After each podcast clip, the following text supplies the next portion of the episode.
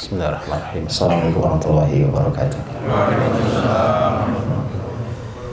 الحمد لله رب العالمين حمدا كثيرا طيبا مباركا فيه كما يحب ربنا ويرضى أشهد أن لا إله إلا الله وحده لا شريك له وأشهد أن محمدا عبده ورسوله اللهم صل وسلم وبارك على محمد وعلى آله وصحبه أجمعين يا أيها الذين آمنوا اتقوا الله حق تقاته ولا تموتن إلا وأنتم مسلمون أما بعد Saudaraku yang dirahmati Allah Subhanahu wa taala.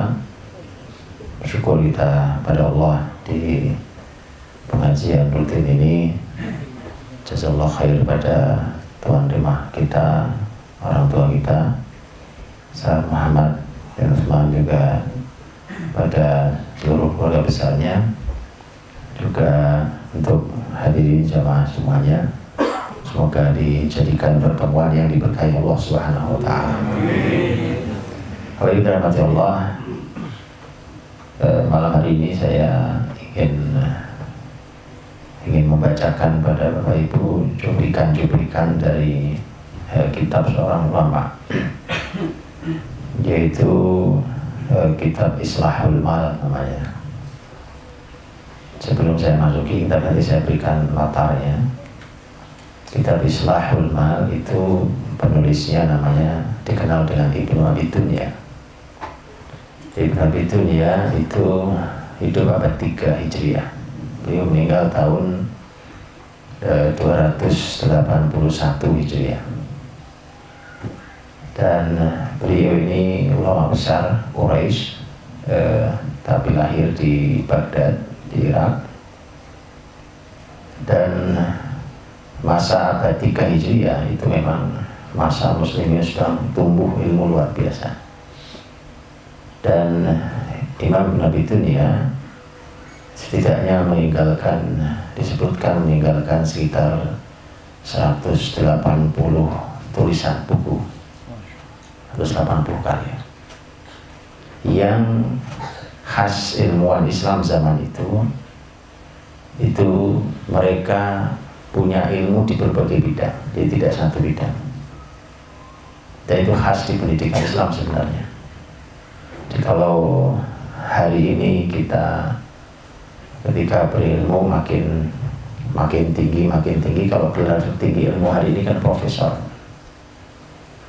Profesor itu adalah gelar keilmuan tertinggi hari ini yang biasanya keahliannya di satu sub bidang ilmu.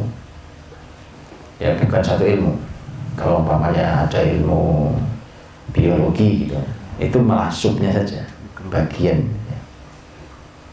tidak dengan Islam. Di dalam Islam pendidikan Islam itu seseorang mencapai ilmu sangat tinggi terkadang disebut umpamanya sebagai al-allamah umpamanya di antaranya alamah itu kata kata alim tapi dalam bentuk e, mubalawahnya bukan sekedar alim tapi alamah seseorang disebut begitu karena menguasai banyak ilmu. Dan itu ilmunya lintas bukan agama saja bukan umum saja. Pemisahan umum agama itu kan terjadi di zaman hari ini. Ketika sekulerisme itu meracuni pikiran kita sehingga kemudian arsitek gak ngerti agama, dokter gak ngerti agama, dangkal ilmunya, ya ustadz gak ngerti kedokteran, ustadz gak ngerti bangunan, memang gitu. E, padahal Bapak Ibu kan tahu, umpamanya saya kasih contoh. Hadirkan ilmuwan mana pun di zaman kebesaran Islam dulu, mereka pasti menguasai banyak ilmu. Gak mungkin ilmunya satu Gak mungkin ilmunya satu. Bahwa pokoknya dikenal dia seperti uh, Al-Khwarizmi Khwarizmi itu kita kenal dengan ilmu matematikanya. Ilmu aljabar itu kan Khwarizmi bro. Ya, dan dulu Indonesia punya pelajaran matematika namanya aljabar. Ya. Aljabar itu nama bukunya Al-Khwarizmi. Bukunya namanya Aljabar wal Muqabalah. Nama buku matematikanya. Dan tapi beliau tidak hanya ahli di matematika, beliau ahli di berbagai bidang ilmu. astronomi dia juga ahli di bidang berbagai macam ilmu dia ahli. Nah menariknya orang-orang seperti beliau itu ilmu agamanya mumpuni. Mumpuni. Namanya ilmuwan seperti itu hafal Quran 30 juz ya biasa. Mereka memahami ilmu tafsir, hadis, fikih itu ya memang begitu. Nah yang begini harus dikembalikan yang begini ini harus dikembalikan kalau muslimin mau hadir kembali di muka bumi ini. Karena itu aslinya konsep pendidikan Islam itu. Bahwa nanti seseorang memiliki keahlian di, di satu bidang yang mumpuni oh iya. Dan menariknya para ilmuwan itu, para ilmuwan Islam itu mereka mereka bisa menghadirkan penemuan-penemuan baru di berbagai bidang itu. Nah, yang ahli agama juga sama. Coba Bapak Ibu kan eh, mendengar hari ini umpamanya tentang eh, Tibun Nabawi umpamanya. Nah, Tibun Nabawi yang sering dipakai umpamanya bukunya Ibnu Qayyim itu ya. Ibnu Qayyim itu kan ulama agama ulama agama. Kemudian dia menulis buku, dan itu bukan buku sebenarnya, judul bab, dia cuma judul bab dalam kitab Zadul Ma'ad. Beberapa jilid, di judul salah satu judul babnya ada judul bab namanya Tibun Nabawi. Itu cuma judul saja. Kitab Zadul Ma'ad itu isinya adalah panduan Rasul di segala hal. Diringkaskan oleh Imam Qayyim termasuk panduan Nabi dalam dunia kesehatan. Yang menarik Ibnu Qayyim rahimahullah taala menulis kesehatan itu bukan cuma menukil-menukil, itu Ibnu Qayyim bisa mengkritik di awal dia kritik berbagai dunia kesehatan. Kesehatan ala Persia, kesehatan ala Romawi, kesehatan ala Arab, semua dikritik itu. Bayangkan kalau hari ini itu umpamanya dilakukan oleh seorang ahli agama itu Nah, itu ahli-ahli kesehatan pasti marah-marah kan. Ini siapa dia ini? Ya. Karena memang tidak mumpuni kita hari ini dalam hal itu. Lihat bagaimana ulama dulu. Imam Nawawi itu hadirin. Imam Nawawi kan kita tahu bagaimana keilmuan agama yang sangat mumpuni. Imam Nawawi rahimahullah Tapi Imam Nawawi rahimahullah itu begitu beliau sudah mumpuni di ilmu agamanya, beliau membeli buku. Bukunya mahal. Kalau zaman dulu buku kan mahal karena untuk menggandakan buku ditulis ulang pakai tangan. Kan begitu kan? Supaya bisa dijual lagi bukunya. E, buku Al-Qanun Fitik Ibnu Sina. Buku kedokteran yang luar biasa karya Ibnu Sina itu dibeli oleh Imam Nawawi karena beliau niatnya adalah ingin merambah ke dunia kedokteran. Melalui kitab Ibnu Sina Al-Qanun Fitik yang nanti menjadi literatur utama di Eropa sampai abad 15 Nah begitulah. Walaupun kemudian akhirnya Imam Nawawi itu bukan tidak bisa, beliau e, belajar ilmu apa saja bisa, dia mengukur hatinya, diukur hatinya dia bilang kayaknya hati saya kok nggak serap dengan ilmu ini, akhirnya bukunya dijual lagi. Jadi berpindah ke ilmu yang lain.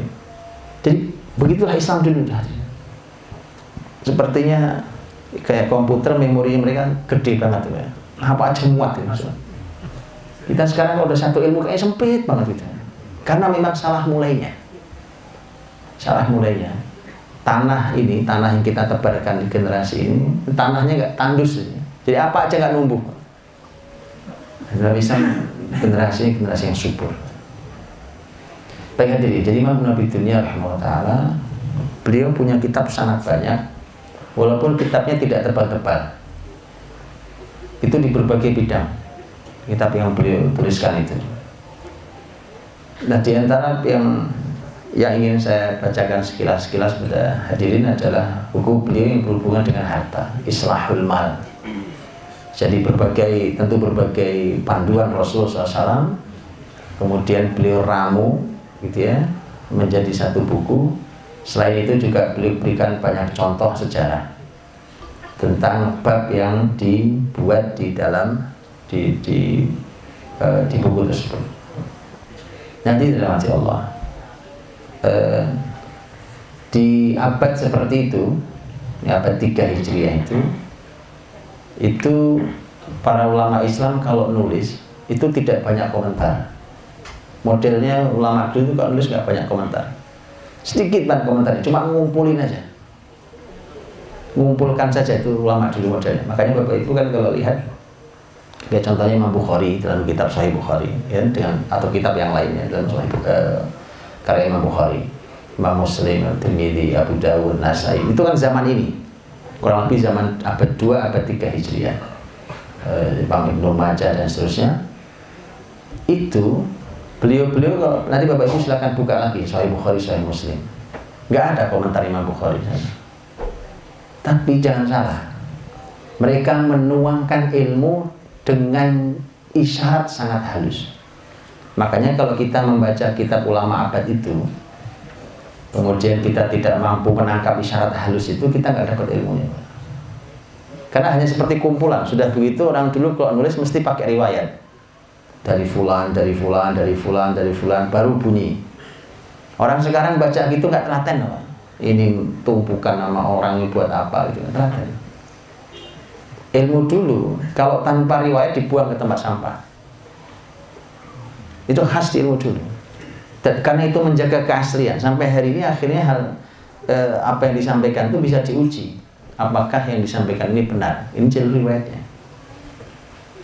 Nah memang isyarat memberikan ilmu isyarat ilmu itu. Kelebihan para ulama Islam Bapak Ibu salah satu salah satu uh, ilmu isyarat ilmunya itu diletakkan di judul-judul bab. Termasuk susunan judul bab. Ya saya tunjukkan Bapak Ibu nanti bukalah buku fikih mana pun fikih dari mulai toharoh sampai selesai ya baik kita jihad atau kita hudud bacalah lihatlah lihatlah judul-judulnya judul babnya susunannya selalu mirip dari semua kitab fikih di madhab apa pun Mesti mirip. Mesti dibagi dua. Yang satu ibadah, yang kedua muamalah. Selesai ibadah masuk muamalah. Gitu ya. Ibadah hubungan kita dengan Allah, muamalah urusan kita dengan sesama manusia. Dan hidup juga begitu. Makanya fikih itu, hadirin, fikih itu adalah bab-babnya, urutan babnya adalah urutan kehidupan manusia. Tak fikih itu. Jadi selesaikan dulu urusanmu dengan Allah, kemudian urusanmu dengan manusia setelahnya. Urusan dengan Allah dimulai dari kitab Taharah. Betul? Semua kita fikih mulai dari kitab Taharah. Kenapa yang bersuci dulu? Baru ibadah lain bisa masuk. Karena setelahnya ada tema sholat, setelahnya ada nanti baru bicara tentang zakat, puasa, haji. Mulai dari taharah. Dan Tohara dimulai dari kitab Tohara itu lihat yang tidak memulai dengan kitab Tohara itu ada tapi jarang di antaranya Imam Malik dalam kitab Muwatta'nya Imam Malik dalam kitab Muwatta. Muwatta itu kitab hadis pertama yang lengkap dikumpulkan. Karenanya Imam Syafi'i rahimahullah ta'ala sebagai salah satu muridnya Imam Malik mengatakan bahwa asahul kitab ba'da kitabillah kitab Muwatta. Muwatta Malik. Kitab paling sahih setelah kitabullah setelah Quran adalah Muwatta Malik. Ya. Kalau ada yang nanya ke mana Sahih Bukhari pak ya Bukhari masih kecil loh itu. Ya belum. Kan itu tahun berapa? Nah ya Imam Malik meninggal tahun 179 179 nah Bukhari aja baru lahir tahun 194 baru lahir. Maka Imam Imam eh, Imam Syafi'i yang meninggal tahun 204 nah, itu menyampaikan kalimat itu. Karenanya Bukhari banyak sekali mengambil riwayat dari Muwatta Malik. Di Muwatta Malik Imam Malik memulai kitabnya tidak dari kitab Taharah, tapi dari dari kitab dari bab mawaqit salat, waktu-waktu sholat. Kemudian muncul pertanyaan, Loh kenapa yang lain memulai dari kitab Toharoh, kitab bersuci, Imam Malik memulainya dari kitab waktu-waktu sholat. Ternyata itu ada logikanya juga. Kata Imam, jadi logikanya Imam Malik adalah bahwa memang saya setuju dengan kitab Toharoh. Karena setelah bab waktu sholat langsung Toharoh. Jadi nggak langsung bahas sholat nggak. Bab waktu-waktu sholat masuk Toharoh, selesai nanti baru masuk waktu sholat. Karena agak aneh agak aneh. Ternyata logikanya begini.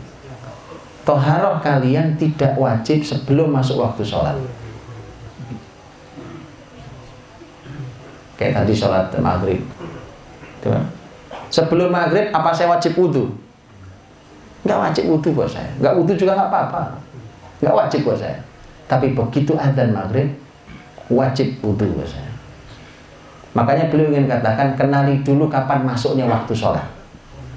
Maka dimulai oleh beliau waktu-waktu sholat. Baru masuk taharah jadi ulama dulu itu kalau membuat judul bab itu nggak sembarangan. E, ini saya kenalkan dulu bagaimana karakter kitab zaman itu karena karakter kitab zaman sekarang ini ya begitulah ya. Ulama dulu bukunya nggak terlalu tebal pak. Tapi itu padat isinya. Dan itu ringkasan segala kitab sekarang kadang tebel-tebel ya kan?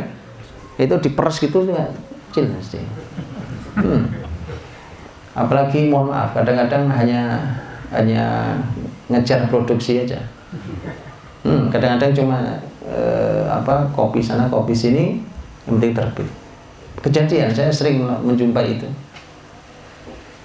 Eh, jadi hadirin hati Allah. Makanya coba lihat kitab muamalah bawahnya kitab muamalah itu para ulama memulai selalu dengan dengan bab yaitu kitabul buyu bab tentang jual beli segala hal tentang jual beli dibahas di permulaan kitab muamalah. Urusan kita sama manusia ini nggak jauh dari jual beli ini. Kitabul buyu begitu selesai kitabul buyu dengan seluruh pembahasannya masuk kitabun nikah.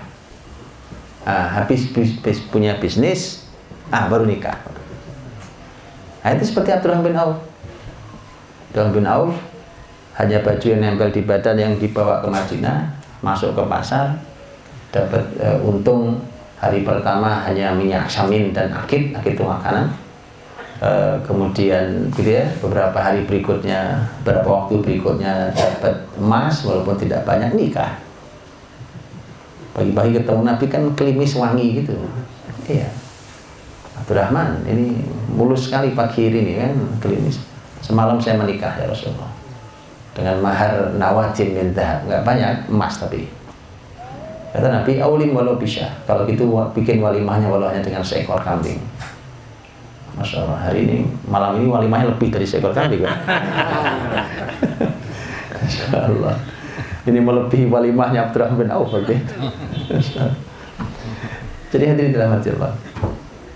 Maka e, begitu ya urutan.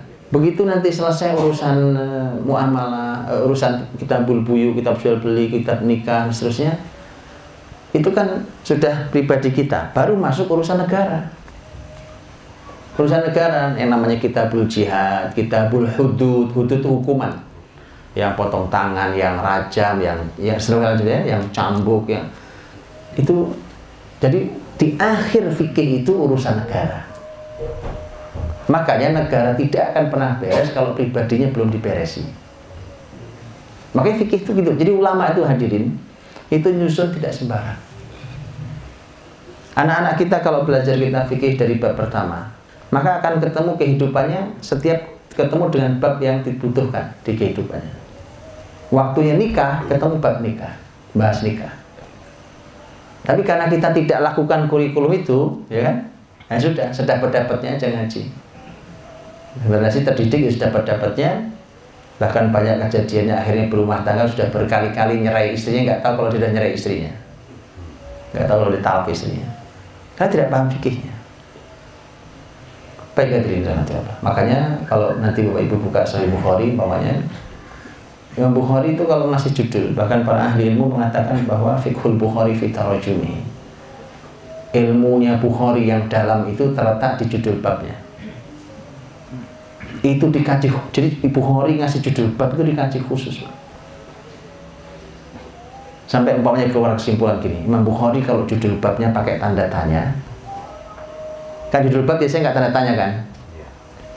Umpamanya eh, bab menuntut ilmu kan gitu nggak tanda tanya. Tapi kalau bab apakah nah, ada tanda tanya menunjukkan bahwa dalam hal dalam bab ini ulama beda pendapat Kalau ada perbedaan pendapat, tapi kok Bukhari membuat judul babnya tidak pakai tanda tanya, maka menunjukkan bahwa ini yang diambil Bukhari. Begitu seterusnya, ulama itu membahas. Makanya ulama pusing ketika Imam Bukhari buka buka kitab sahihnya dengan hadis innamal a'malu binniyat. Ini Bukhari maunya apa? Karena judul bab pertamanya itu adalah bab tentang bagaimana wahyu mulai turun. Lah wahyu mulai turun itu kisah yang karena hadis berikutnya kan kisah Nabi terima wahyu di Gua Hira itu. Ya kan? Tapi terus hadis pertama kenapa innamal a'malu binniyat wa innamal likulli imri'in ma nawa faman kanat hijratuhu ila Allah wa seterusnya. Semuanya amal tergantung niatnya. Itu para ulama ini Bukhari maunya apa ini? Begitu. Jadi ulama itu sampai Makanya Imam Ibnu Hajar yang hadir tujuh abad setelah Bukhari. Ya. Sekitar, sekitar tujuh abad setelah Imam Bukhari lah eh, hadirnya itu mengkaji itu semuanya 25 tahun lamanya. Jadi kitab Fathul Bari itu penjelasan Sahih Bukhari itu itu setelah Imam Ibnu Hajar membaca bolak-balik Sahih Bukhari 19 kali bolak-balik dibaca selesai khatam baca ulang lagi 19 kali bolak-balik untuk lahirnya kita Fathul Bari yang ditulis sepanjang 25 tahun. Itulah itu makanya kesabaran kita terhadap ilmu hari ini tidak teruji sama sekali Pak. sama sekali tidak teruji. Maka lahirnya karya karya abadi. Abadi.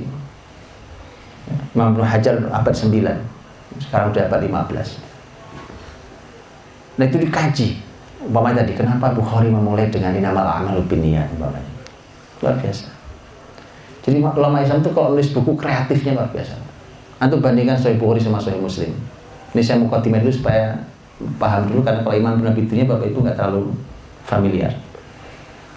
Bapak ibu buka Sahih Bukhari Sahih Muslim. Berbeda. Sahih Bukhari bukunya tidak ada mukotimahnya di Sahih Muslim mukotimahnya panjang banget nggak sembarangan. Terus kenapa yang ini nggak ada mukotimah ini ini mukotimahnya malah panjang banget. Dan mukotimah Sahih Muslim itu akhirnya dikeluarkan ulama mukotimahnya saja. Dikeluarkan ulama jadi beberapa ilmu. Ilmu mustalah hadis ilmu cara ta'dil itu ilmu sendiri. Itu kalau di kuliah hadis jadi pelajaran sendiri jadi mata pelajaran sendiri bersemester-semester. Itu cuma mukaddimah di Sahih Muslim diambil dan barokahnya ilmu ulama dulu. Mukaddimah saja menjadi fakultas lah. Gitu ya barokahnya. Beda tumpukan ilmu hari ini numpuk buku tebel-tebel di diperes gitu plagiat ternyata. Beda barokahnya. Beda barokahnya. Baik. Kembali jadi Imam Ibn Abi Dunia yang ingin saya bacakan bukunya ini beliau menulis uh, buku judulnya Islahul Mal. Islah artinya memperbaiki, al-mal artinya harta. Jadi kita ini punya tugas harta yang di tangan kita ini harus kita perbaiki sampai baik dan hasilnya baik, keluarin menjadi hasil yang baik. Nah, saya ceritakan latar tadi tentang masalah bab karena itu kebiasaan ulama nulis di zaman itu. Maka saya ingin bacakan judul babnya. Judul babnya, judul babnya dulu dalamnya dan lihat bagaimana Imam uh, Ibn Abi Dunia beliau mem membuat judul bab yang judul bab yang kita kita bisa lihat bagaimana urutan berpikir. Kita diajak untuk mikir dengan judul bab ini saya sudah coba ringkaskan Bapak Ibu. Sekali lagi bukunya tidak tebal tapi bicara tentang harta. Apa yang Nabi sampaikan itu disusun ulang, disusun ulang oleh beliau, dikasih bab-bab untuk memudahkan cara kita berpikir. Isi buku itu ada tema tentang akhdul mal. Akhdul mal itu bagaimana Anda ngambil harta itu. Dapatnya dengan cara apa? Itu dulu nomor satu kan duitnya belum datang ke kita. Pertanyaannya gimana cara ngambilnya? Poinnya. Setelah memasuki setelah akhdul mal, beliau bicara tentang fadlul mal, tentang keutamaan harta. Memangnya harta punya keutamaan sampai harus diambil-ambil, sampai orang harus bekerja nyari duit segala macam. Beliau bicara tentang keutamaan.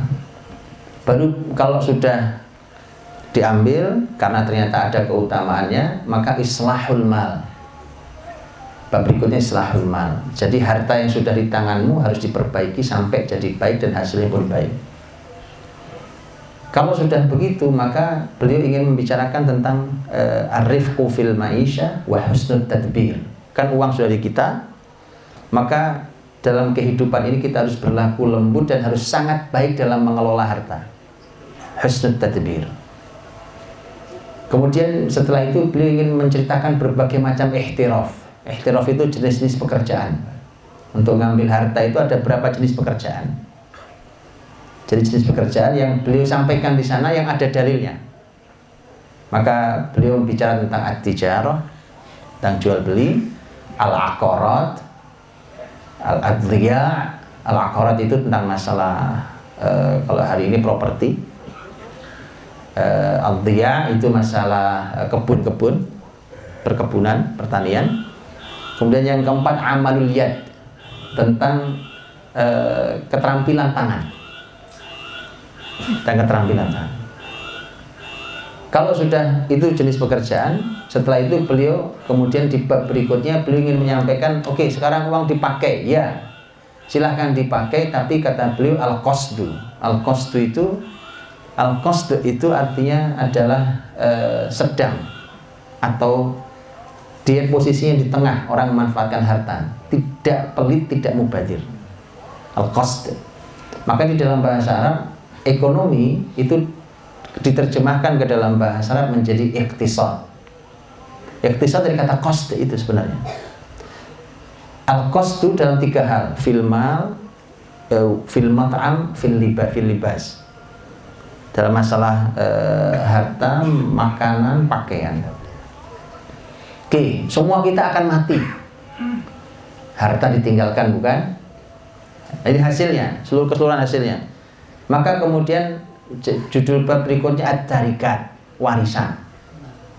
Itu beliau menyusul itu menyusul judul babnya. Ad-darikat artinya warisan duit pasti kita kita akan tinggalkan seluruh harta ini kita mati kemudian jadi warisan. Dan kemudian kalau sudah bicara harta penutupnya kan cuma dua. Kaya atau miskin. Cuma itu. Maka penutupnya adalah kasratul mal banyak harta dan yang terakhir al faqr kemiskinan. Nah, itu penutupnya nah itu bapak ibu kalau kita tidak tahu bagaimana gaya ulama dulu nulis itu kita tidak tahu itu. Ternyata beliau membahasnya dengan rangkaian cara berpikir. Begini loh cara berpikirnya. Baik saya ingin bacakan beberapa eh, yang ditulis yang dicantumkan oleh beliau di dalam kitab ini Eh, baik uh, riwayat, hadis ataupun kisah-kisah. Sekali lagi kitabnya pasti menggunakan riwayat semuanya. Dan uh, kalau baca kitab begini harus harus telaten bacanya. Ya, umpamanya beliau mengatakan kalau hadatsana Abu Bakar Abdullah bin Muhammad bin Ubaid bin Sufyan Nabi itu nama dia. Kalau hadatsana Syuja' bin Ashras bin Maimun, kalau hadatsana Laits bin Sa'ad an Sa'id bin Abi Sa'id an jadi menggunakan sanad semua, semua pakai sanad. Ya, saya tidak bacakan sanadnya, saya cuma ingin bacakan isinya karena Bapak Ibu nggak telaten itu. Um, kita bacakan di awal di awal sekali di awal sekali beliau memulai dengan kalimat Allahumma inni as'aluka i'anah wa tatmim. Itu pembukaan Bismillahirrahmanirrahim dimulai bukunya Allahumma inni as'aluka i'anah wa tatmim. Ya Allah, aku meminta kepadamu uh, pertolongan. Bantu aku dan aku minta kesempurnaan. Nah itulah yang diterjemahkan oleh Imam Ibnu Hajar. Mengapa Al Bukhari memulai sahihnya dengan dengan hadis innamal a'malu bin niyat seakan Imam Bukhari ingin mengatakan ya Allah semoga lelahnya menyusun Sahih Bukhari ini niatnya karenamu. Jadi semacam doa. Seperti ini persis doanya dimulai dari doanya Ya Allah semoga ini lelah ini semoga niatnya ikhlas karenamu. Akhirnya gaya Bukhari ini ditiru oleh ulama setelahnya, ulama-ulama setelahnya seperti An Nawawi. Maka Bapak Ibu kalau buka kitab Riyadus Salihin, hadis pertamanya apa? Innamal a'malu binniyat. Begitu Imam Nawawi buka eh, buat tulis buku Arba'in Nawawi, hadis pertamanya apa? Innamal amal binniyat. Gitu.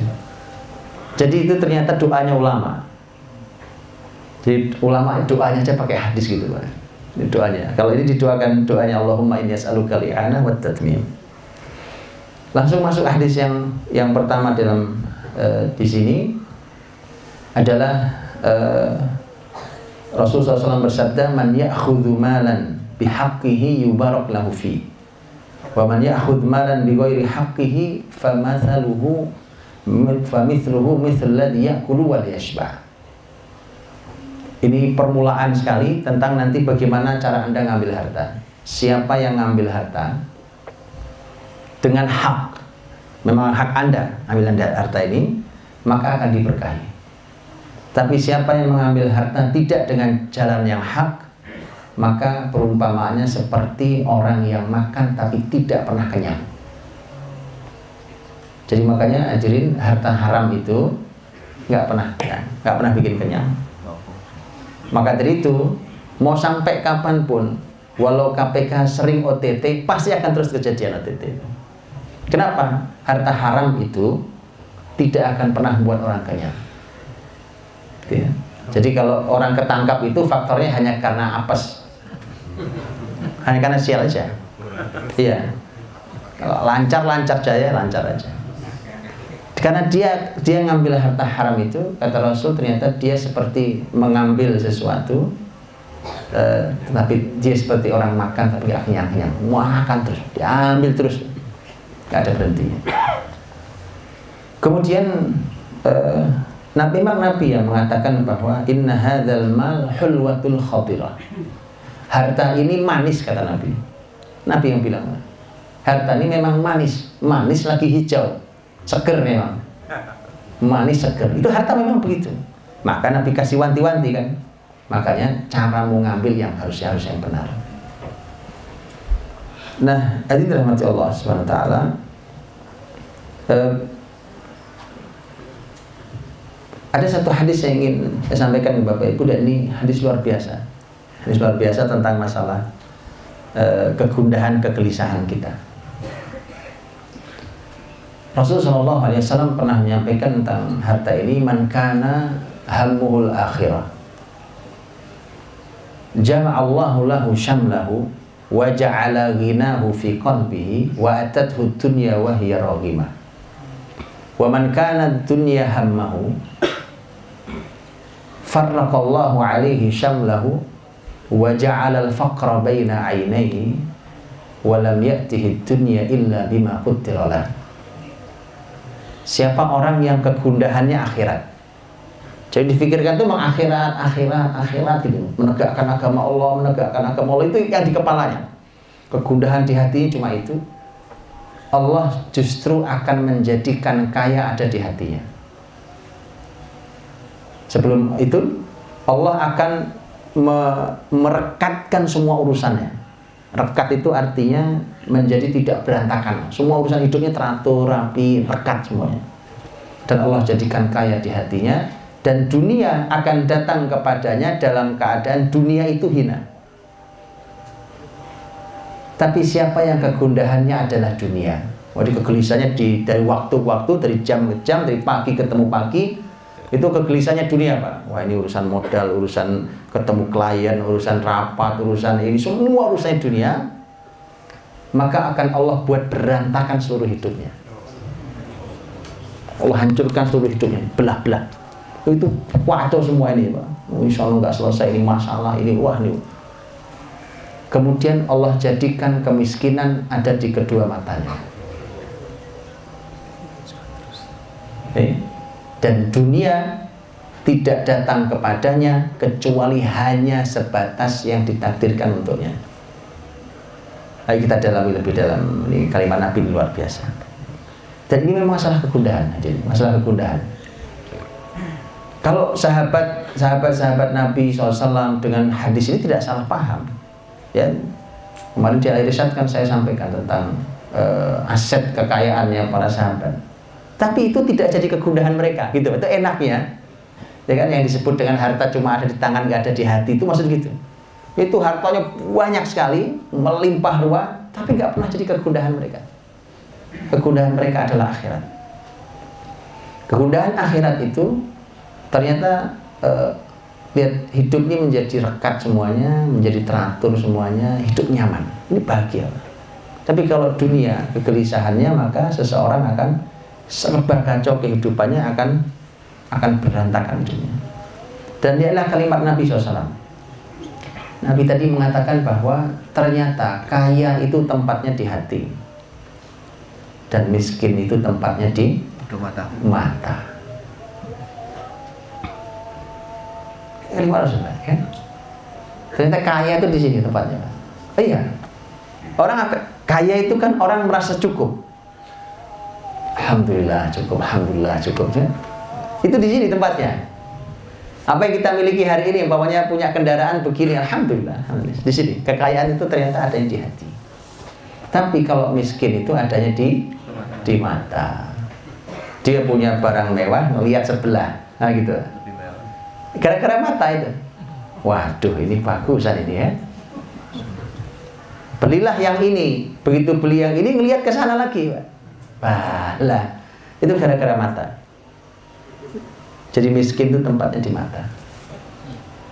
Tahu ya? Nah, silakan diukur. Bapak ini gampang sekarang.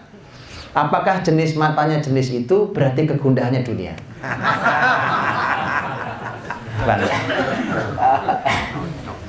Iya. Berarti memang selama ini dipikirin cuma dunia. Itu begitu. Dan ternyata hasilnya, ternyata hasilnya masya Allah. Yang kegundahannya akhirat, Ternyata hasilnya dunia itu datang ke kita dalam keadaan dunia jadi hina. Dunia hina tahu kan? Ini harta, apa, rumah, kendaraan, apa semua itu ngemis-ngemis datang ke kita. Mohon dong saya diikutkan, mohon saya dijadikan, dimanfaatkan itu. Dunia datang ngemis, Pak. Dan itu ternyata memang harus begitu. Karena terhadap manusia terhadap dunia itu pilihannya adalah ini rebutan sama dunia kita ini. Adalah dengan dunia itu kita rebutan siapa yang jadi tuannya?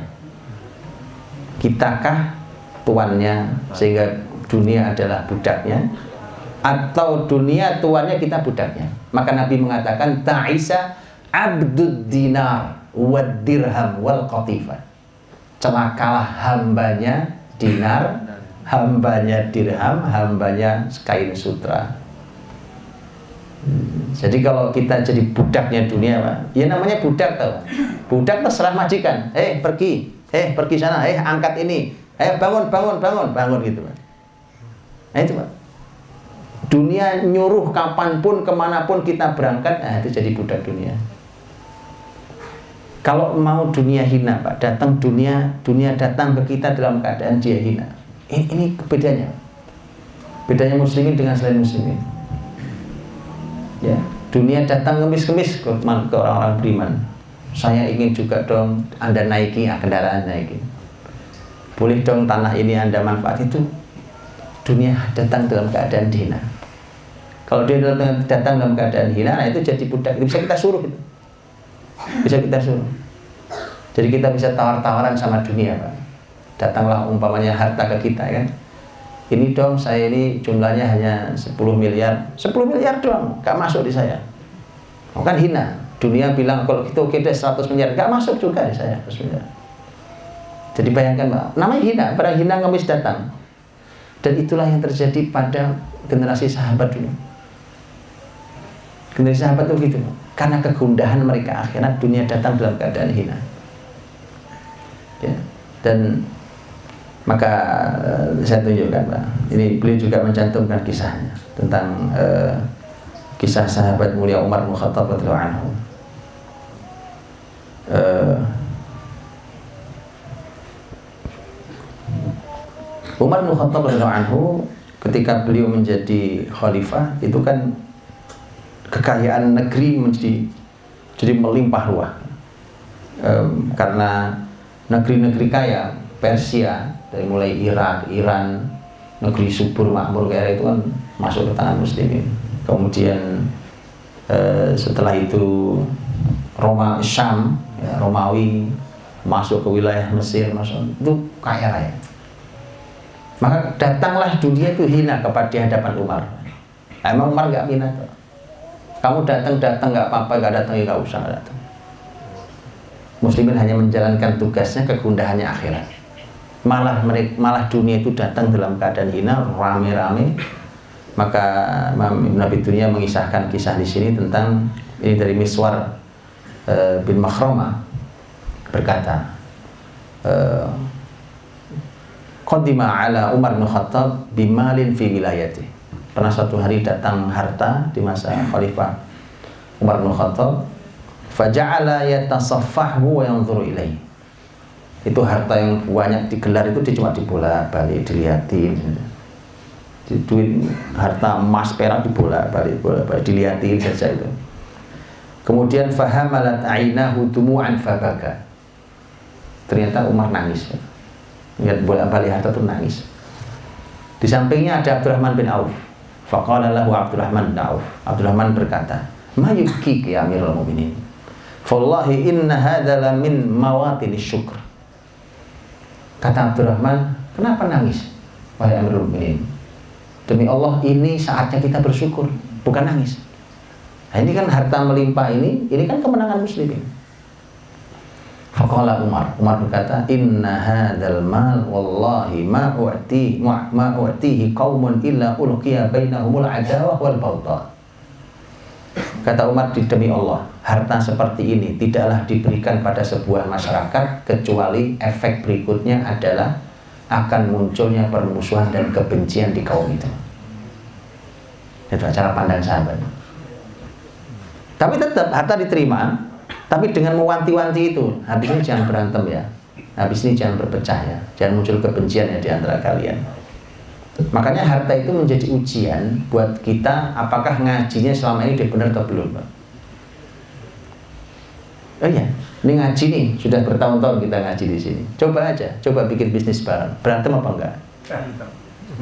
Nah itu untuk uji ilmu, ilmu. Benar enggak ilmunya selama ini? Betul tidak dijalankan ilmunya selama ini? Sampai sejauh mana imannya terbangun Itu kita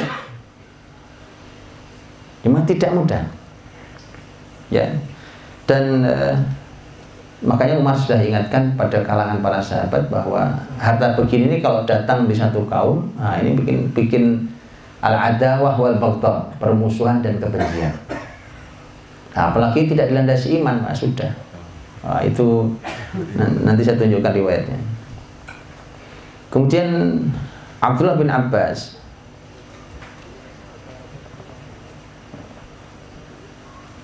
Abdullah bin Abbas pernah berkata Abdullah bin Abbas pernah berkata Da'ani Umar bin Khattab Fa'ataituhu wa baina yadayhi nata alihi dhahab mabthuran batran. Uh, Kata Abdullah bin Abbas Saya pernah dipanggil Umar bin Khattab. Abdullah bin Abbas ini anak muda Masih masih belasan tahun di masa Umar Dipanggil oleh Umar tapi ini ahli ilmu dan stafnya Umar. Saya datang kata Abdullah bin Abbas dan saya lihat di depannya Umar itu ada apa namanya kayak karpet begini terbuat dari kulit itu Pak. Itu emas ditebar di depan dia Pak. Emas itu ditebar di depan Umar. Karena kaya Persia Romawi kan. Dibawa ke Madinah harta. Kemudian kata Umar, "Idhab faksim hada baina qaumik." Kata Umar kepada Abdullah bin Abbas, ambil ini harta bagiin ke orang-orang. Fallahi a'lamu Fallahu a'lam hina hubisa hada an nabiyyih wa an Abi Bakar bi khairin a'tani am bishar. Kata Umar, Allah yang lebih tahu. Mengapa waktu zaman Rasul dan Abu Bakar yang beginian nggak ada? Kok zaman saya ada?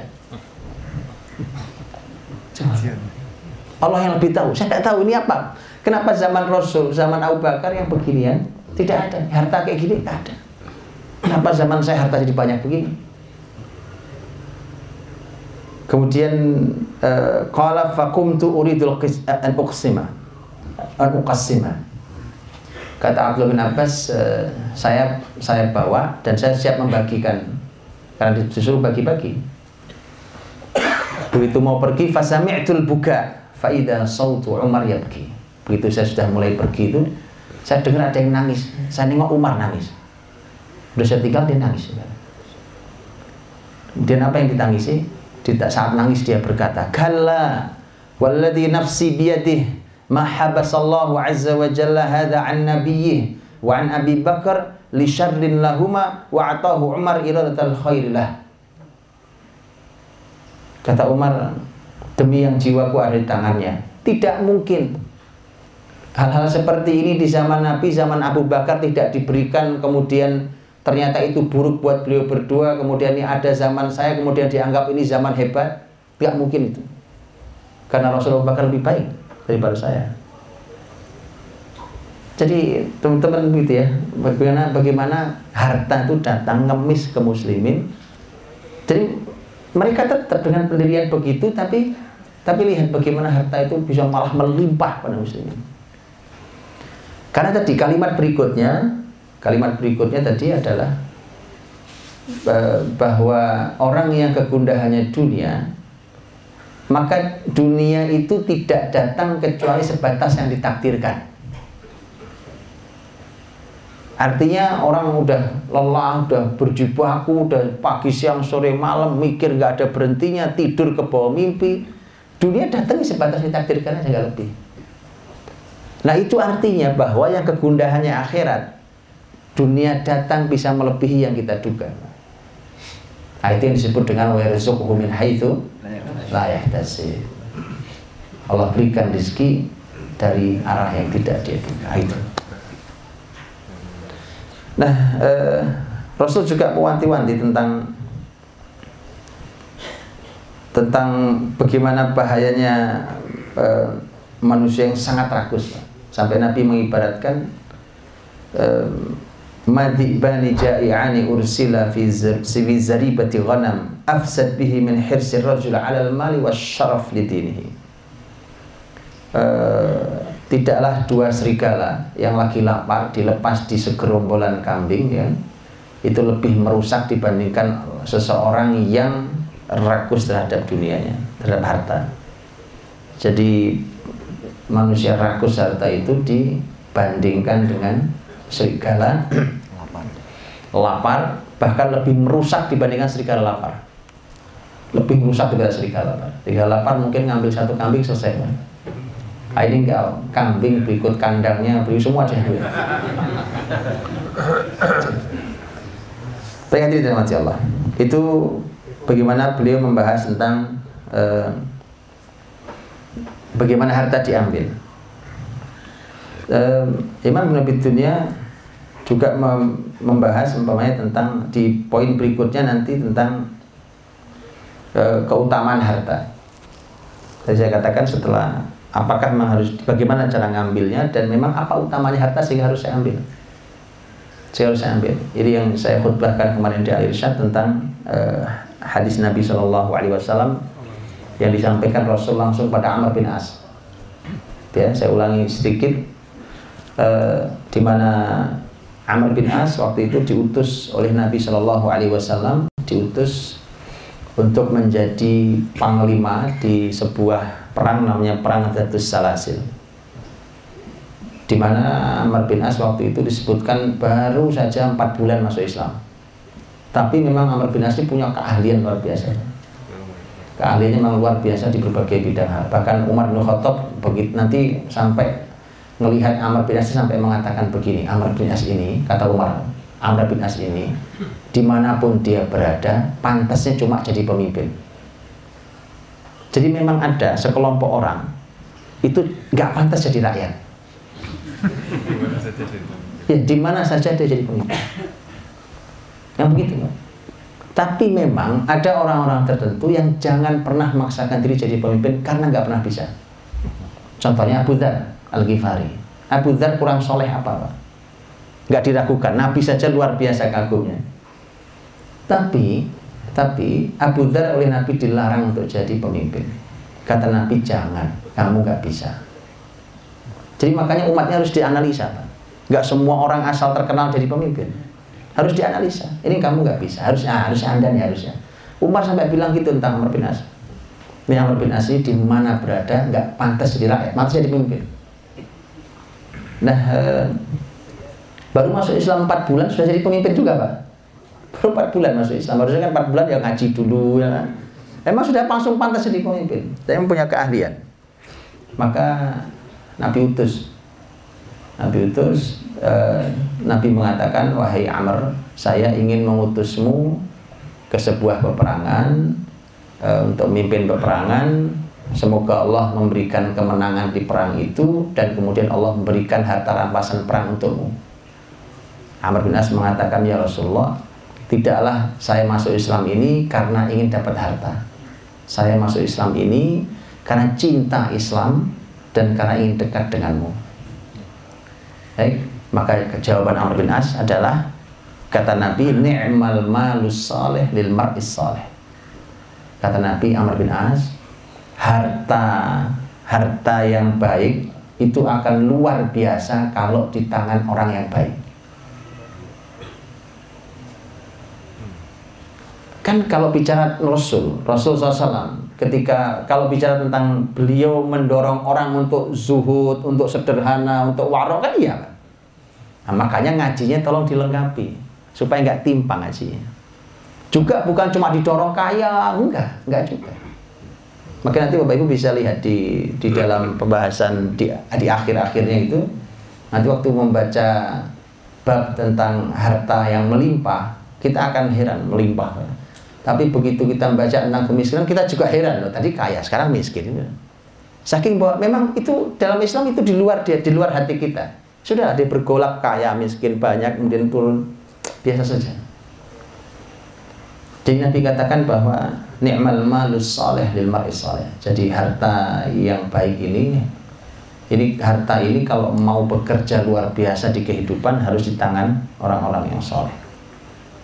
Dan itulah mengapa Bapak Ibu ketika kita juga diajari oleh Nabi doa, uh, maaf, uh, oleh Nabi SAW, Nabi bersabda tentang Allah yuhibbul abdat taqi al-ghani innallaha yuhibbul 'abd taqi al-ghani al-khafi. Sesungguhnya Allah mencintai hamba yang bertakwa, yang kaya tapi tersembunyi. Artinya ada bab itu. Ya. Baik, hadirin. Saya ingin ajak Bapak Ibu untuk memasuki wilayah yang uh, saya loncati yang babnya adalah uh, pembahasan tentang ihtiraf misal pekerjaan tadi. Supaya kita tahu bahwa memang ada jenis-jenis pekerjaan itu yang direkomendasikan langsung oleh Nabi. Tentu kalau rekomendasinya rekomendasi Nabi ah tentu babnya nggak biasa ya kan? Kalau kita mencari uang bekerja silahkan dengan kerjaan apa saja yang penting halal tayyib silahkan tetapi eh, saya ingin bacakan beberapa eh, riwayat yang menunjukkan beberapa hal yang direkomendasikan Nabi Shallallahu Alaihi Wasallam. Bapak Ibu Allah, ini dalam bab al-ihtiraf, bab uh, pekerjaan dimulai oleh ini bab al-ihtiraf. Uh, saya bacakan beberapa riwayatnya. Uh, talabul halali jihad. Ya, nyari yang halal jihad. Jihad ya. Apalagi zaman uh, ketika harta haram bertebaran di mana-mana ya. Itu nyari yang halal itu masya Allah jihad. Uh, wa inna Allah azza wa jalla yuhibbul abdal muhtarif. Ini ada yang mengatakan ini bukan ini uh, secara riwayat agak bermasalah, bermasalah riwayat ini. Baik, kemudian Rasul Shallallahu Alaihi Wasallam menyampaikan yang pertama kali pembahasan tentang masalah at-tijarah. Bab afadil tijarat. Bab tentang perdagangan. Tentang perdagangan ini ternyata um, menjadi pembahasan yang istimewa. Karena ketika seorang sahabat bertanya pada Nabi, Rafi bin Rifa'ah radhiyallahu anhu pernah bertanya ke Nabi, dia bertanya ya Rasulullah uh, ayyul kasbi atyab pekerjaan apa yang paling toyib mau nyari uang nih saya gitu ya Pekerjaan apa yang paling toyib? Yang paling toyib apa? Kan gini, toyib itu, baik itu, kita oleh Quran diminta ya Yohanes kulu kulu mimma fil ardi halalan tayyiban wala tattabi'u khutuwati syaitan innahu lakum aduwwun mubin. Jadi Allah minta halalan dan tayyib. Ya, halal dan tayyib. Tapi kalau sahabat, sahabat itu kalau urusan amal dan urusan hidup maunya yang paling, Pak. Jadi kalau dalam urusan kebaikan sahabat itu maunya yang paling. Maka nanyanya bukan sekedar tohib atau ya Rasulullah mana yang halal nggak begitu. Ya Rasulullah mana yang paling halal, mana yang paling baik. Ayyul kasbi atiyah. Nabi SAW menjawab. Kata Nabi, amalur rajuli biyadih wa kullu bay'in mabrur. Kata Nabi, aktivitas seseorang dengan tangannya. Nah, itu keterampilan tangan itu mahal. Ya, keterampilan tangan apa saja keterampilan itu mahal. Itu oleh Nabi disebut sebagai al kasbu kasbul atiyab kasbul atiyab itu menjadi penting. Dan dulu muslimin masya Allah di berbagai bidang keterampilan itu masya Allah muslimin. Uh, kemudian wa kullu mabrur. Dan segala jenis uh, perdagangan yang mabrur perdagangan yang baik.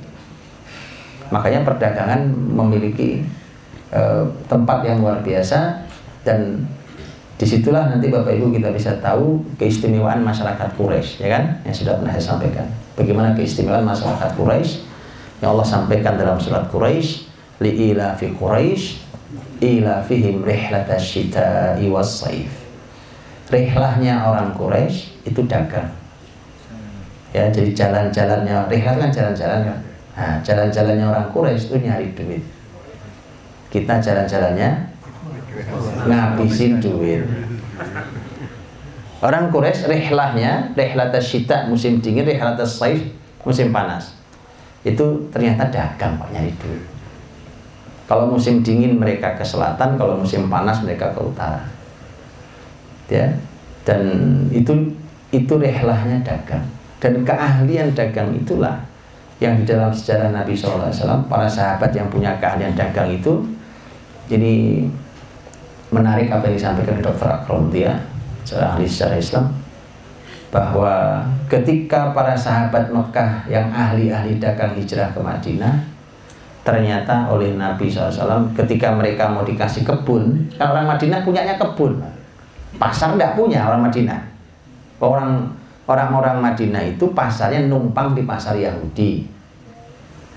Sehingga yang punya mereka kebun, kalau kebun mereka punya banyak. Maka ketika mereka, ya Rasulullah kami mau memberi kebun ke saudara-saudara kami yang datang dari Mekah, kata Nabi jangan. Jangan. Kalian saja yang kelola, hasilnya boleh dibagi. Itu dianalisa oleh Dr. Akron. Ada analisa yang menarik banget di antara analisanya beliau katakan Nabi ingin tetap menjaga agar orang-orang Mekah keahliannya dagang. Karena Nabi ingin menjadikan orang-orang yang ahli dagang itu di ring satu Nabi SAW. Karena orang dagang itu, Bapak Ibu, tidak terikat oleh tempat, justru orang dagang itu harus banyak jalan-jalan. Keliling sana, keliling sini, buka sana, buka sini, pasar di mana dikunjungi begitu. Nah makanya sambil dagang itu mereka bisa membawa syariat ini. Di mana mereka hadir maka di situ syariat dibawa. Bisa ulama itu, bisa ulama, ulama dagang misalnya. Bisa. Nah kalau petani karena kebun tadi itu ya kebun terikat oleh kebunnya. Umpamanya musimnya mengawinkan kurma, nggak dikawinin, nggak buah musim apalagi yang lain ya, nanti kalau nggak diurus nggak buah. Makanya e, terikat oleh tanahnya. Nanti nah ini dua keahlian yang dua-duanya disebut Nabi. Dua-duanya istimewa. Jadi tema e, kullu bay'in mabrur. Ya, tentang e, jual beli tentang e, at-tijarah. Di Imam Nabi Dunia menyebut secara khusus di sini di antara yang disebut adalah tentang tijarah uh, tijarah al-baz.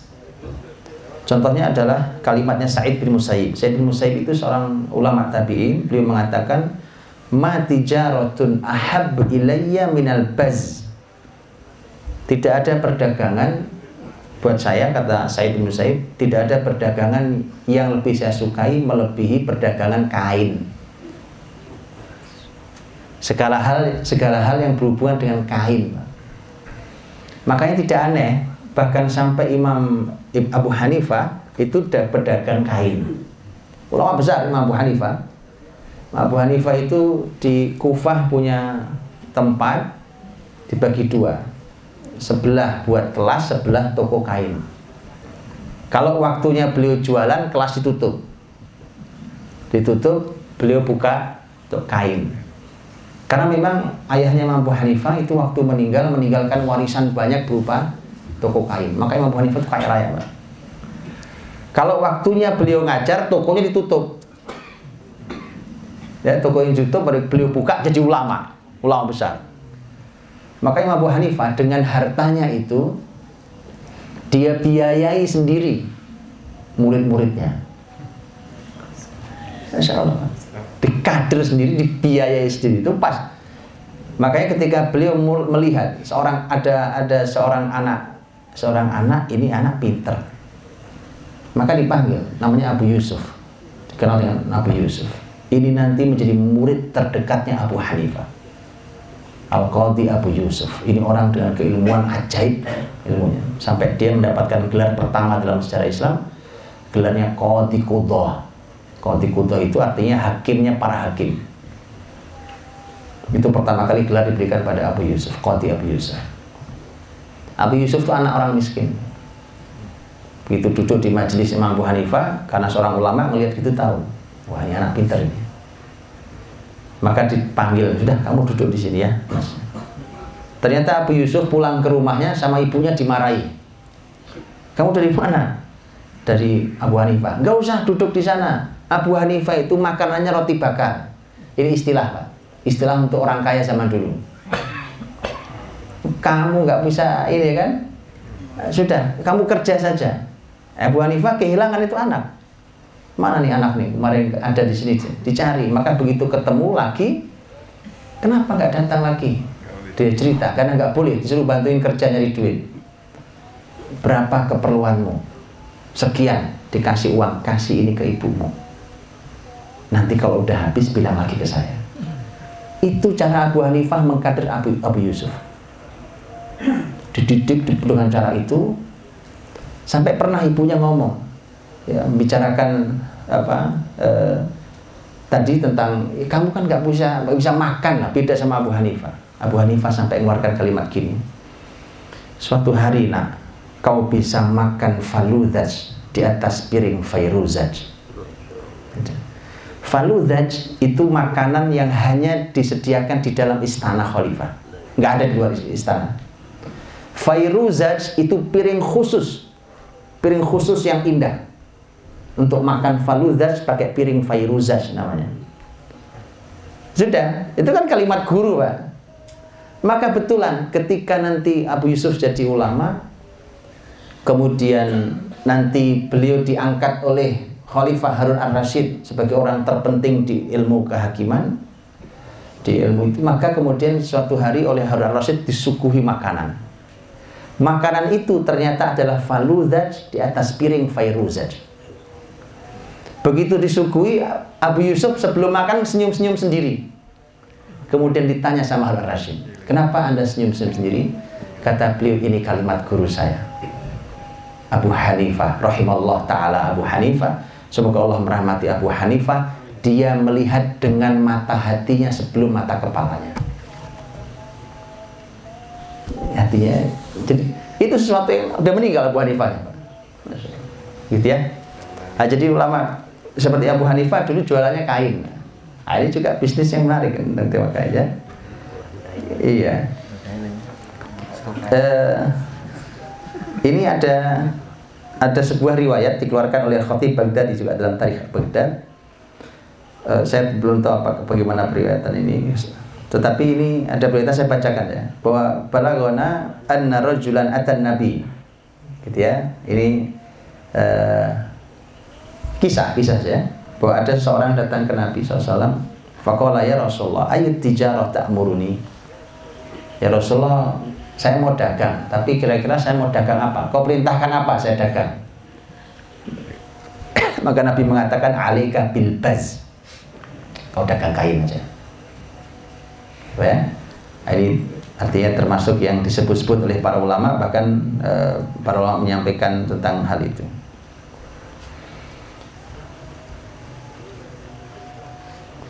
Kemudian Bapak Ibu dirahmati Allah SWT itu tema ini saya sampaikan dulu kalimat Umar tentang perdagangan ini ya.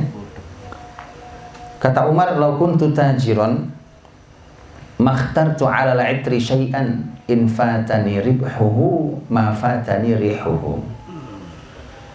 Kata Umar, kalau saya seorang pedagang, maka saya akan milih berdagang minyak wangi. Minyak wangi. Tadi kain sekarang minyak wangi. Karena minyak wangi itu, kalaupun saya tidak dapat untung, saya dapat wanginya. Kalimat Umar, Pak. Ya. Dan masya Allah, memang hadirin, ini kalimat sederhana ini.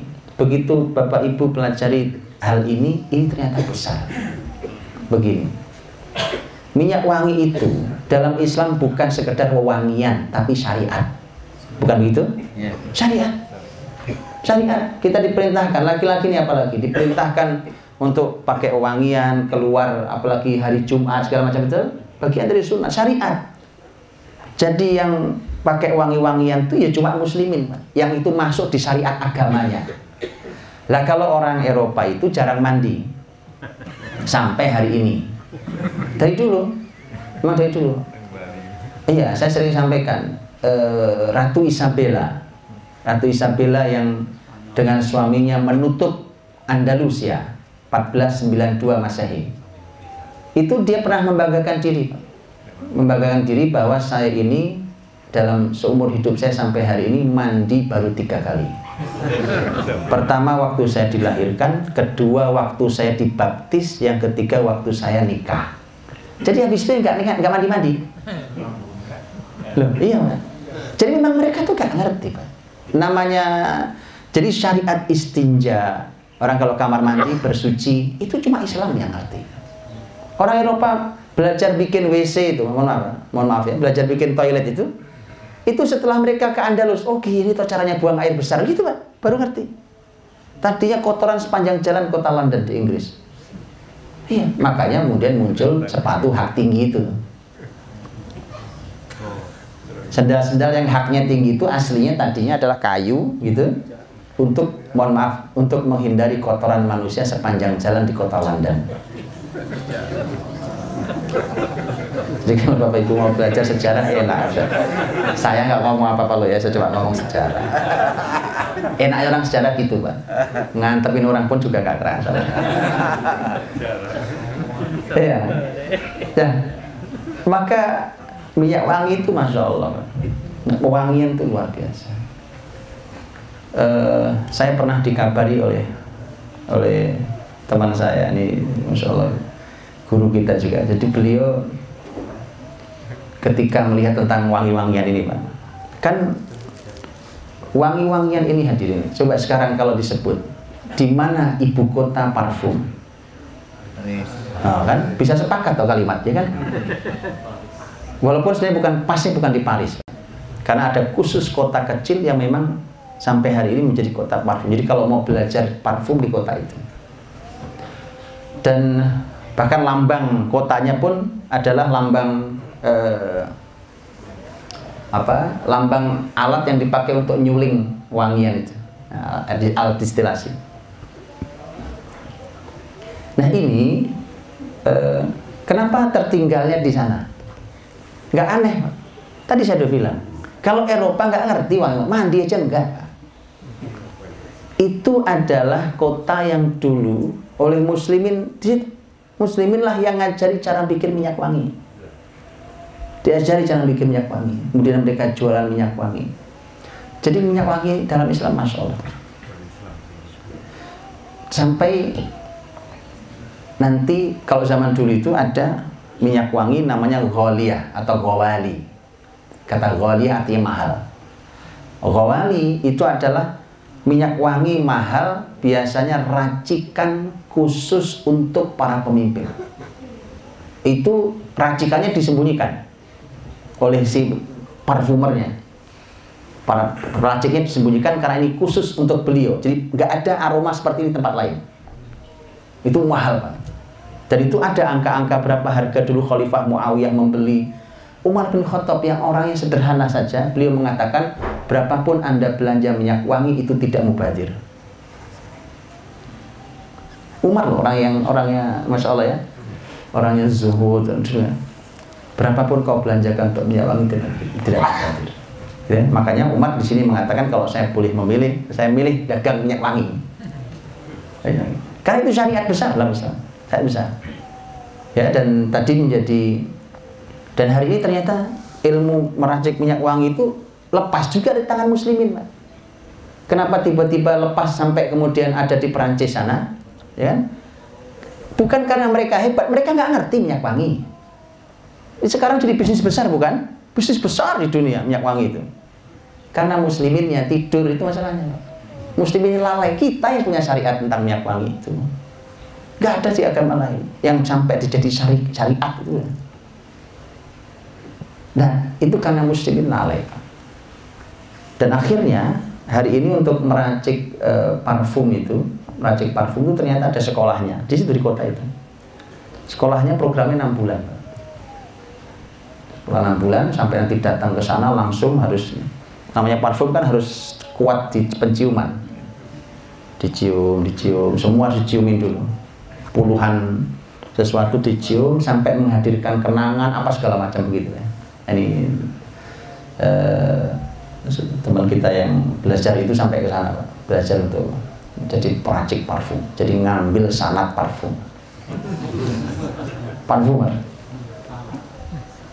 Sampai kemudian nanti parfum itu dibuat racikan sendiri, biasanya dengan dengan menggunakan eh, kisah. Makanya kalau Bapak Ibu lihat parfum itu kayak parfum itu begitu mereknya apa ya kan? Kemudian nanti ada kalimatnya yang kalimat itu menunjukkan apa? Oh, menunjukkan kelembutan menunjukkan kejantanan menunjukkan kedermawanan menunjukkan kewibawaan menunjukkan bijaksana kan gitu. Bisa dikisah. Baik. Jadi masya Allah tidak sederhana itu. Dan ternyata hari ini memang industri besar. Gak mudah gitu ya. Baik bisa ambil? Bisa? Masih ada. Cik lagi, baik. Ya. Kalau gitu saya bacakan beberapa jenis yang lain selain perdagangan tadi. Uh, yang kedua pembahasan tentang al-aqarat. Al-aqarat tadi tijarah, al-aqarat.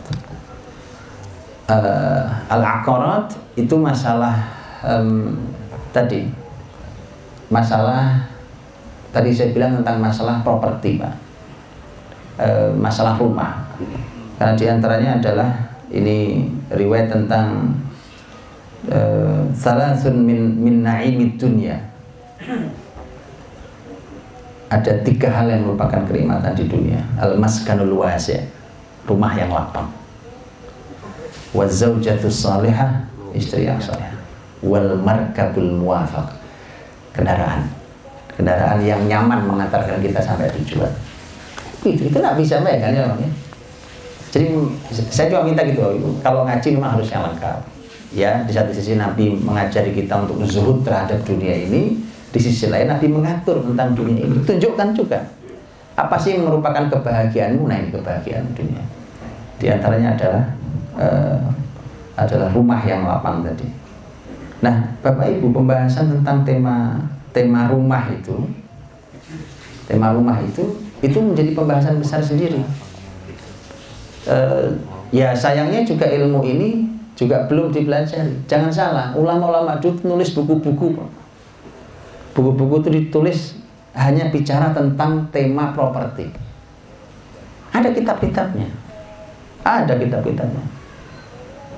Saya mohon maaf hari ini bicara tentang properti properti apa nih? Properti syariah gitu bawahnya ya yang belakangan muncul. Saya senang dengan semangatnya. Tapi sayangnya yang dimaksud dengan syariah cuma akadnya doang. Loh masalah tempat tinggal itu kan bukan cuma masalah akad. Tetangga rumah dengan rumah sebelahnya itu ada hukum fikih pak. Yang, yang harusnya dipahami oleh si pengembang properti syariah Harusnya begitu. Nah kita sudah merasa puas bahwa syariah itu cuma akad. Akad itu cuma bagian saja. Bagian saja. Nah, ini sayangnya juga belum belum belum dipelajari. Dan itu ulama sudah membuat kitab-kitabnya. Di fikih itu dibahas pak tentang hal itu. Dibahas dan masya Allah detailnya pembahasannya dan menggunakan kaidah-kaidah syariat. Kaidah-kaidah syariat membahas bagaimana sesungguhnya perumahan bagaimana perumahan perkampungan di dalam syariat Islam itu kayak apa. Itu lama udah buat kan? Dan itu kalau itu dikuasai ilmunya masya Allah itu pertama di Indonesia yang saya tunjukkan pak. Lihat kan dulu kan sebenarnya perumahan Nabi dan para sahabat kan gak luas. Gak luas kan kan saya sudah sering cerita itu masjid Nabawi itu sudah masjid masjidnya bukan pagernya. Masjidnya itu itu sudah rumah-rumah sahabat, sudah bahkan plus ada kebun-kebun itu. Luasnya Masjid Nabawi hari ini. Walaupun ada sebagian sahabat yang tinggalnya nanti di luar pagar Masjid Nabawi. Gitu ya, yang pagar Masjid Nabawi hari ini. Ada, tapi sahabat-sahabat di situ. Makanya umpamanya konsep Nabi membangun pemukiman itu ditiru oleh eh, zaman mana pun di negeri mana pun. Jadi konsepnya kan Nabi letakkan masjid dulu, plak tengah. Seluruh rumah fasilitas melingkari masjid. Agar jarak rumah ke masjid kurang lebih sama.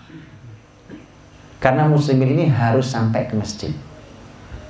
Lah kalau rumahnya gerbangnya di sini, masjidnya dua kilo lagi di sana, ya kan?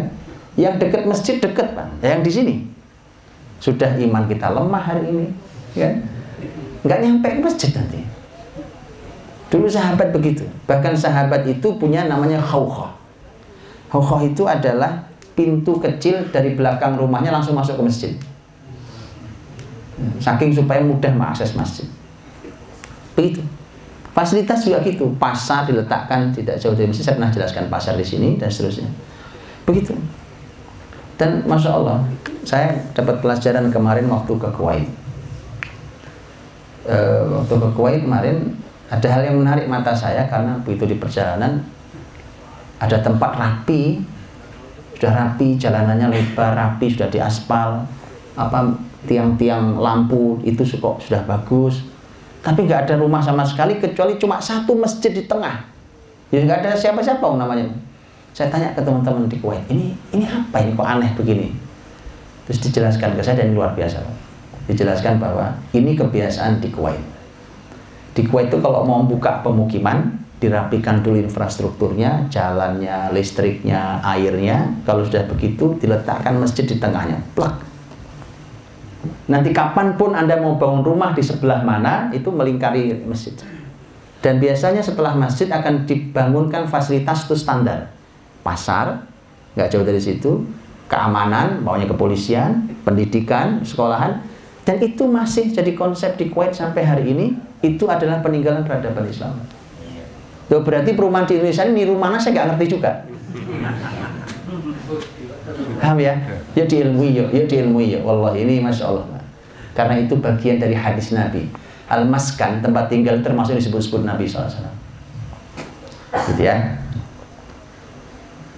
uh, al-dhiya itu uh, kebun dan yang berhubungan dengan kebun.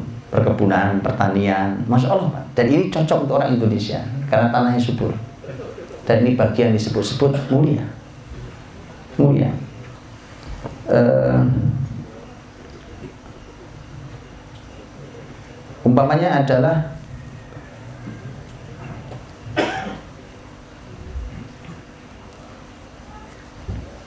Lama khalaqallah ini ini uh, riwayat. Lamma khalaqallahu azza wa jalla al-ma'isha ja'ala al-ma'isha fil harthi wal ghanam.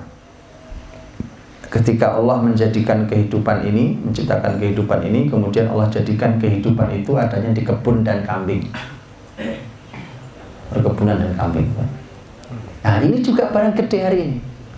Yang perkebunan bicara tentang pangan yang kambing bicara tentang daging dan turunannya susu dan segala macam e, kalau kambing memang spesial kambing itu ada ada beberapa hadis Nabi dan jelas jelas-jelas Nabi menyebutkan dalam beberapa hadis yang sahih tentang kambing khususnya dan hubungan kambing dengan keberkahan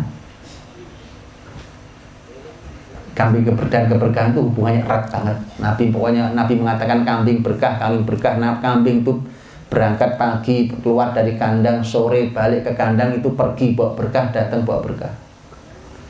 Jadi masya Allah itu tentang kambing dan itulah mengapa Allah memilihkan binatang untuk para nabinya adalah kambing. Mamin nabiyin illa ro'al ghanam tidak ada seorang nabi pun kecuali pasti pernah menggembala kambing. Karena ternyata kambing itu ternyata harta yang berkah. Bahkan oleh Nabi disebut dalam hadis yang sahih dari Bukhari tentang disebut sebagai khailu malil muslim. Sebagai harta terbaik muslim terutama di akhir zaman. Harta terbaik muslim. Tentang kambing yang digembala di ujung gunung, orang melarikan agamanya dari fitnah. Makanya ini masya Allah jadi, ya jadi perkambingan ini masya Allah ini keberkahan. Keberkahan luar biasa. Ya, dan saya tidak tahu apakah ada memang ada perencanaan gitu ya, ataukah tidak orang orang hari ini di kita itu eh, banyak yang tidak suka susu kambing betul ya yeah. banyak yang tidak suka daging kambing di sini daging kambing suka kan kita di sini suka semua tapi banyak yang tidak suka dengan kambing. Saya tidak tahu kenapa itu Ustaz. Kambing hitam. jadi kambing hitam. Akhirnya jadi kambing hitam. Ustaz Muhammad jadi kambing hitam. Kasihan Pak. Mari kita putihkan kambing itu. jadi kambing hitam dia. Kasihan tuh kambing. Padahal ini binatang para nabi.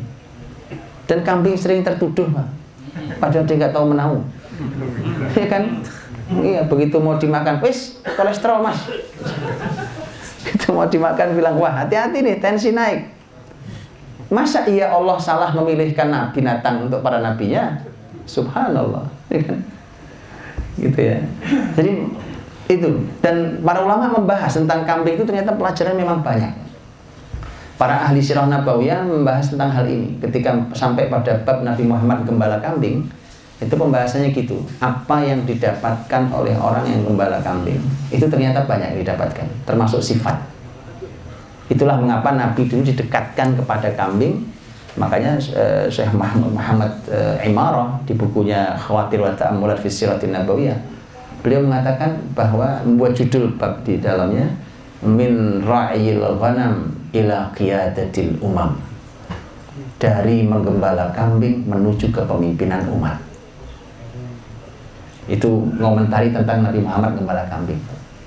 Nah makanya memang harusnya pelatihan kepemimpinan itu di kandang kambing. Loh iya, lem hanas, kan? Suruh kandang kambing dulu, calon pemimpin ini Suruh kandang kambing dulu. Kenapa? Kambing memberikan sifat banyak, Pak. Kalau betul belajarnya. Di antaranya yang jelas disebut Nabi adalah tentang kelembutan hati. Kelembutan hati itu didapatkan orang yang akrab dengan kambing. Jadi maunya Allah itu pemimpin itu lembut hatinya. Makanya belajarlah sama kambing. Nggak tahu pemimpin Indonesia kayak begini dulu apa apa gembala bebek apa? Gembala banteng. Gembala banteng.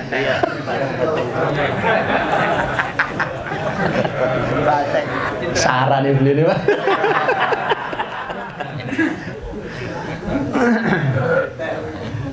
Iya begitu. Jadi masya Allah banyak pelajaran besar hikmah besar di bab itu ya silakan tanya di sini pada yang ahli yang punya kambing banyak punya pelajaran banyak kan? Begitu juga kebun pak. Itu masalah pangan. Dan hari ini dunia peperangan dunia karena pangan. Perang dunia karena pangan pak. karena ini masalah pangan. Apalagi sudah ada hitung-hitungan wah ini manusia akan kelaparan karena nggak cukup pangan di bumi. Nggak mungkin Allah salah menciptakan bumi mah kok Allah yang menyampaikan eh, bahwa manusia disuruh jalan di muka bumi ini cari rezeki. Cukup buat manusia. Apa yang menjadikannya tidak cukup? Salah kelolanya. Termasuk salah kelola jiwanya. Kerakusan manusia itu dan salah kelolanya itu membuat bumi yang harusnya cukup ya tidak cukup. Cukuplah bumi ini. Bahwa Allah berikan jaminan kau itu. Kulu mimma fil makan semua yang ada di bumi ini. Itu perintah seluruh manusia. Boleh ambil cukup. Cukup ya. Nah eh, maka pangan ini juga PR serius. Dan pangan itu mestinya mestinya kalau masa depan dunia ini kan mau masalah pangan gampangnya gini lah. Orang nggak punya HP nggak apa-apa. Tapi kalau nggak makan kan begitu. Dan ini kan yang yang lagi rame ini kan yang ini pak yang Cape Town ya. Tahu ya cerita Cape Town ini. Ini lagi berhitung mundur untuk nutup kota pak Afrika Selatan. Ya. gara-gara air bersih habis di kota itu. Sekarang dijatah air itu dijaga oleh pasukan itu Cape Town hari ini dan itu berhitung saya lupa ini sudah berhitung mundur kalau tidak kunjung ada perbaikannya maka tutup kota itu. Nggak tahu mau pindah ke mana mereka itu. Lihat itu. Jadi nah negeri ini subur Bapak Ibu Masya Allah. Kebun, sawahnya, kebunnya Masya Allah. Nah mestinya kan ini menjadi Wah luar biasa. Mestinya Indonesia inilah yang memegang kendali dunia itu. Ha? Korea boleh produksi HP Pak, tapi produksi pangan di sini. Antum makan HP atau makan berat nasi kan? Iya. Itu makan roti, gandum atau mau makan eh, motor ya? Iya, di sini. Nah, cuma sayangnya tadi karena sudah terimagekan kalau bertani itu nggak gengsi, gitu, hasilnya kecil, itu itu salahnya. Mesti harus diilmui dan harus nanya ke muslimin. Muslimin itu waktu masuk ke Andalusia, Andalusia itu susah panen. Masyarakat Eropa tuh nggak ngerti cara ngelola tanah. Setahun nggak belum tentu panen. Belum tentu panen setahun. Begitu muslimin masuk diajari bertani masyarakat Andalus setahun panen tiga empat kali, berpanen berkali-kali. Pergilah ke Spanyol sampai hari ini. Spanyol itu yang membuat, yang bisa mengganjal jatuhnya perekonomian Spanyol. Kan Spanyol kan ekonomi jatuh. Yang mampu mengganjalnya apa? Zaitun. Itu pohon zaitun sepanjang mata memandang di Spanyol. Memang siapa yang bawa ke situ? Masyarakat Bani Umayyah dulu. Dibawa dari Syam. Diangkut sampai ke Spanyol sana waktu muslimin memegang Andalus itu. Dan sampai hari ini ternyata itu menjadi yang mengganjal perekonomian sampai gak jatuh. Makanya masya Allah pertanyaan itu. Gitu ya memang harus diilmui. Tanya pada muslim ulama Islam menulis buku-buku tentang pertanian. Ditulis. Salah satunya adalah bukunya Ibnu Awam Ibnu Awam nulis buku itu abad 6 Hijriah. Eh, nulis buku tentang al-filaha tentang pertanian dan peternakan. Ditulis dan disebut-sebut sebagai salah satu kurikulum terbaik pertanian zaman di zaman muslimin dulu. Ada cuma harus balik ke kitab ulama namanya gitu. begitu? Uh, terakhir sekali saya tentang tadi sudah saya sampaikan tentang amaliyat keterampilan tangan Ini life skill keterampilan tangan itu menjadi sangat penting pembahasannya karenanya memang harus diberikan pada generasi kita apa pun keterampilan tangan itu menjadi menarik. Dulu yang namanya e, produksi pakaian ini ditenunkan dulu itu pekerjaan rumahan. Dan yang di rumah itu perempuan. Sehingga dulu di, ada istilah khas di Arab seingat saya Harun Ar-Rasyid juga Eh, ketika ketemu seseorang di Harun Rasid nanya berapa anakmu? Anak saya tiga perempuan semua kata Harun Rasid berarti kamu jadi orang paling kaya di sini karena kalau di rumah mereka produksi kain dulu ditenun itu jadi pakaian itu kerjaan rumahan dulu sebenarnya kan sampai hari ini pun masih begitu kan nah, jadi ketika menjadi industri nah itu menjadi seperti kita lihat tadi industri besar itu Eh, sebenarnya itu masya Allah itu keterampilan yang luar biasa. keterampilan-keterampilan ini uh, adalah life skill yang harus diberikan. Jadi dalam hati Allah, eh, ini sebagian, tentu waktu ini tidak cukup, ini sebagian saja bagaimana para ulama mengulas eh, tentang tema harta itu, bagaimana memperbaiki harta yang ada di tangan kita, memperbaiki harta yang ada sekeliling kita, karena itu bagian dari tugas muslimin di muka bumi ini. Saya kira itu. Wassalamualaikum warahmatullahi wabarakatuh. Bismillahirrahmanirrahim. Ya Hayyu ya Qayyum rahmatika nastaghith. Ya Hayyu ya Qayyum rahmatika nastaghith. اللهم صل وسلم وبارك على سيدنا محمد وعلى آله وصحبه أجمعين. والحمد لله رب العالمين. حمدا يوافي نعمه ويكافئ مزيدا.